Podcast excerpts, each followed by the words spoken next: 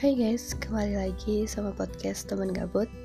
Setelah sekian lama nggak update, akhirnya hari ini update Dengan keadaan yang masih ada sesuatu yang belum diselesaikan Ada hal yang harus direcovery, baik itu mental maupun fisik termasuk suara aku. Karena beberapa hari ini emang suara aku sempat hilang Dan jadi serak kayak gini, nggak jelas banget. Makanya pesan aku buat kalian di musim yang hmm, apa ya peralihan pancaroba kayak gini tetap jaga kesehatan tetap rajin olahraga minum vitamin bila perlu kemudian makan makanan yang sehat makan buah-buah sayur dan lain sebagainya. Dan juga jangan lupa tetap bahagia. Di episode pertama di bulan Agustus ini aku akan menceritakan kepada kalian bagaimana kisah pahlawan salah satu pahlawan Indonesia yang pernah menjabat sebagai Perdana Menteri dan dikenal sebagai seorang sosialis Indonesia. Yaps, beliau adalah Sultan Syahrir. Aku akan menceritakan kepada kalian bagaimana kehidupan Bapak Sultan Syahrir ini dari beliau muda hingga wafat melalui rangkaian buku seri Tembo Bapak Bangsa dengan judul Syahrir Peran Besar Si Bung Kecil. Buku ini pertama kali terbit pada Februari tahun 2017 dan aku sendiri baru baca tiga tahun kemudian atau tepatnya di bulan Februari tahun 2020. Nah, seri Bapak Bangsa Syahrir ini ada yang ukurannya normal dan ada yang seri buku sakunya. Kalau yang aku pinjam ini seri buku sakunya yang ukurannya lebih kecil tapi isinya sama aja sih cuman kayak ukurannya lebih kecil jadi gampang masuk ke sling bag kita yang kecil-kecil kayak gitu. Bisa banget dibawa pergi ke mana kayak gitu. Mungkin pas kita pengen ngapain terus ah daripada gabut bawa buku deh nanti baca di sana kayak gitu. Bisa banget. Mohon maaf suaranya masih kayak kodok kayak gini ya uh, balik lagi ngomongin Sultan Syahrir atau Syahrir. Sultan Syahrir ini lahir pada 5 Maret tahun 1909 dan digambarkan sebagai orang yang pembawaannya tenang dan berani. Beliau juga dikenal sebagai sosok yang pandai bergaul, baik itu bergaul pada sesama pribumi maupun bergaul dengan pemuda dan juga noni Belanda. Di mana kedekatan beliau dengan orang-orang Belanda ini menimbulkan sentimen dari orang-orang yang, member yang memberikan kesan bahwa Syahrir ini merupakan sosok orang yang elitis seperti itu. Syahrir merupakan pemuda Minang, namun beliau tumbuh di Medan karena pada saat usia sekitar satu tahun, Syahrir dan keluarganya pindah dari Padang Panjang ke Jambi, kemudian ke Medan mengikuti tugas ayahnya yaitu Muhammad Rashid yang merupakan jaksa tinggi pada masa itu. Pada saat usia lima tahun, Syahrir menempuh pendidikan di ILS yang merupakan salah satu sekolah rendah Eropa dan merupakan salah satu sekolah terbaik pada masa itu. Kemudian pada tahun 1920, Syahrir melanjutkan pendidikan ke Mulo di Medan. Uh, kemudian pada tahun 1926, beliau ke Bandung dan melanjutkan pendidikan di Alcemana Middle Bar School atau LMS dengan jurusan Barat Klasik.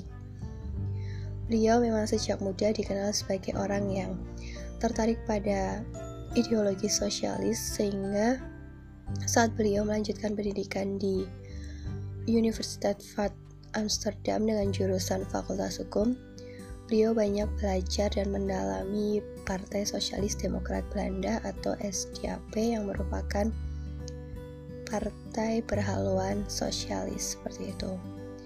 Perjalanan kehidupan beliau di Belanda ini bisa dibilang tidak terlalu lama juga tidak terlalu singkat pun nama beliau diabadikan dalam sebuah nama jalan yaitu Syahrir Street seperti itu.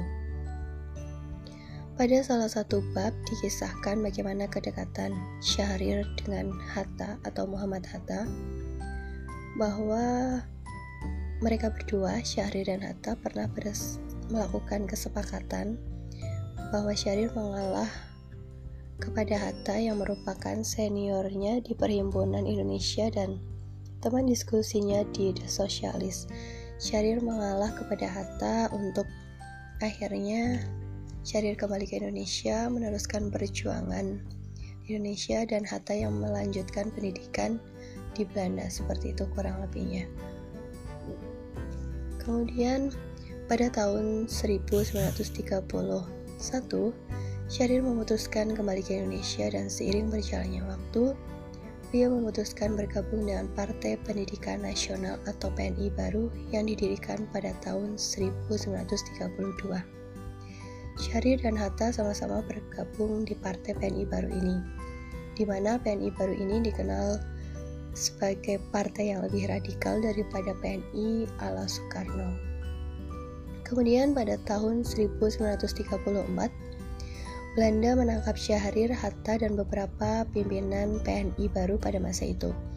Kemudian Belanda membuang Syahrir dan juga para pemimpin PNI baru ke Bolondigul, Papua, dan kemudian pada tahun 1936 mereka dipindah ke Banda Neira. Pada tahun 1945 karir politik Syahrir mulai merangkap naik. Pada 16 Oktober 1945 Syahrir diangkat sebagai Komite Nasional. 11 November 1945 Syahrir diangkat sebagai formatur kabinet baru yang bertanggung jawab pada Komite Nasional bukan lagi presiden. Kemudian, 14 November 1945, Syahrir diangkat sebagai Perdana Menteri Indonesia dan memilih garis diplomasi. Menurut beliau, yang harus dilakukan Indonesia adalah menggelar perjanjian dengan Belanda agar mengakui berdirinya Indonesia. Syahrir kala itu mengum mengumpulkan mengumumkan bahwa Jakarta sebagai kota internasional dan banyak uh, apa ya mengenalkan Indonesia di forum-forum internasional. Syahrir meletakkan dasar diplomasi politik luar negeri Indonesia yang bebas aktif. Beliau cerdik membaca situasi internasional melalui pidatonya di Dewan Keamanan PBB. Suara Indonesia didengar, namun strategi diplomasi beliau ini senantiasa ditentang oleh pahlawan-pahlawan lain seperti juga Tan Malaka yang menentang upaya diplomasi yang dilakukan oleh Sultan Syahrir ini. Pada tahun 1946, tepatnya pada 11 hingga 14 November, Sultan Syahrir memimpin pertarungan diplomasi tingkat tinggi, yaitu perundingan Linggarjati. Linggarjati pada perundingan Linggarjati ini memutuskan wilayah Indonesia secara de facto hanya meliputi Jawa dan Sumatera dan Indonesia menjadi bagian Republik Indonesia Serikat yang bergabung dalam Uni Indonesia Belanda. Perundingan Linggarjati adalah perundingan beliku yang diusahakan oleh Sultan Syahrir namun banyak menimbulkan kecaman tidak sedikit juga orang yang menganggap bahwa uh, dalam tanda kutip Syahrir menjual Indonesia kepada Belanda seperti itu. Buat kalian yang kepo bagaimana perjalanan beliau dari muda hingga perundingan Jati dan turunnya tahta beliau dari Perdana Menteri, kalian wajib banget baca buku ini. Karena di buku ini benar-benar akan dijelaskan bagaimana pandangan politik seorang Sultan Syahrir dan bagaimana Sultan Syahrir mendirikan Partai Sosialis Indonesia pada tahun 1948.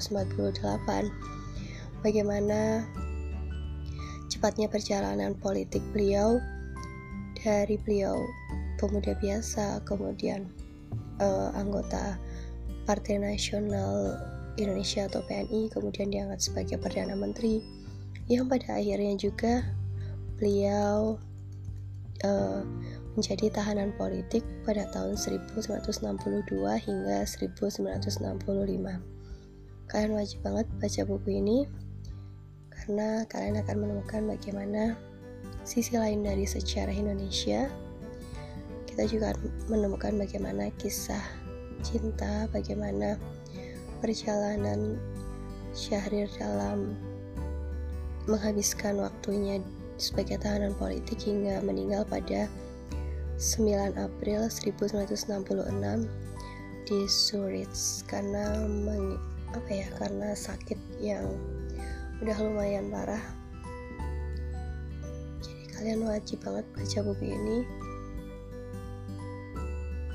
ya, sekiranya demikian podcast hari ini. Mohon maaf karena terlalu banyak kurangnya. Terima kasih sudah mendengarkan podcast teman gabut. See you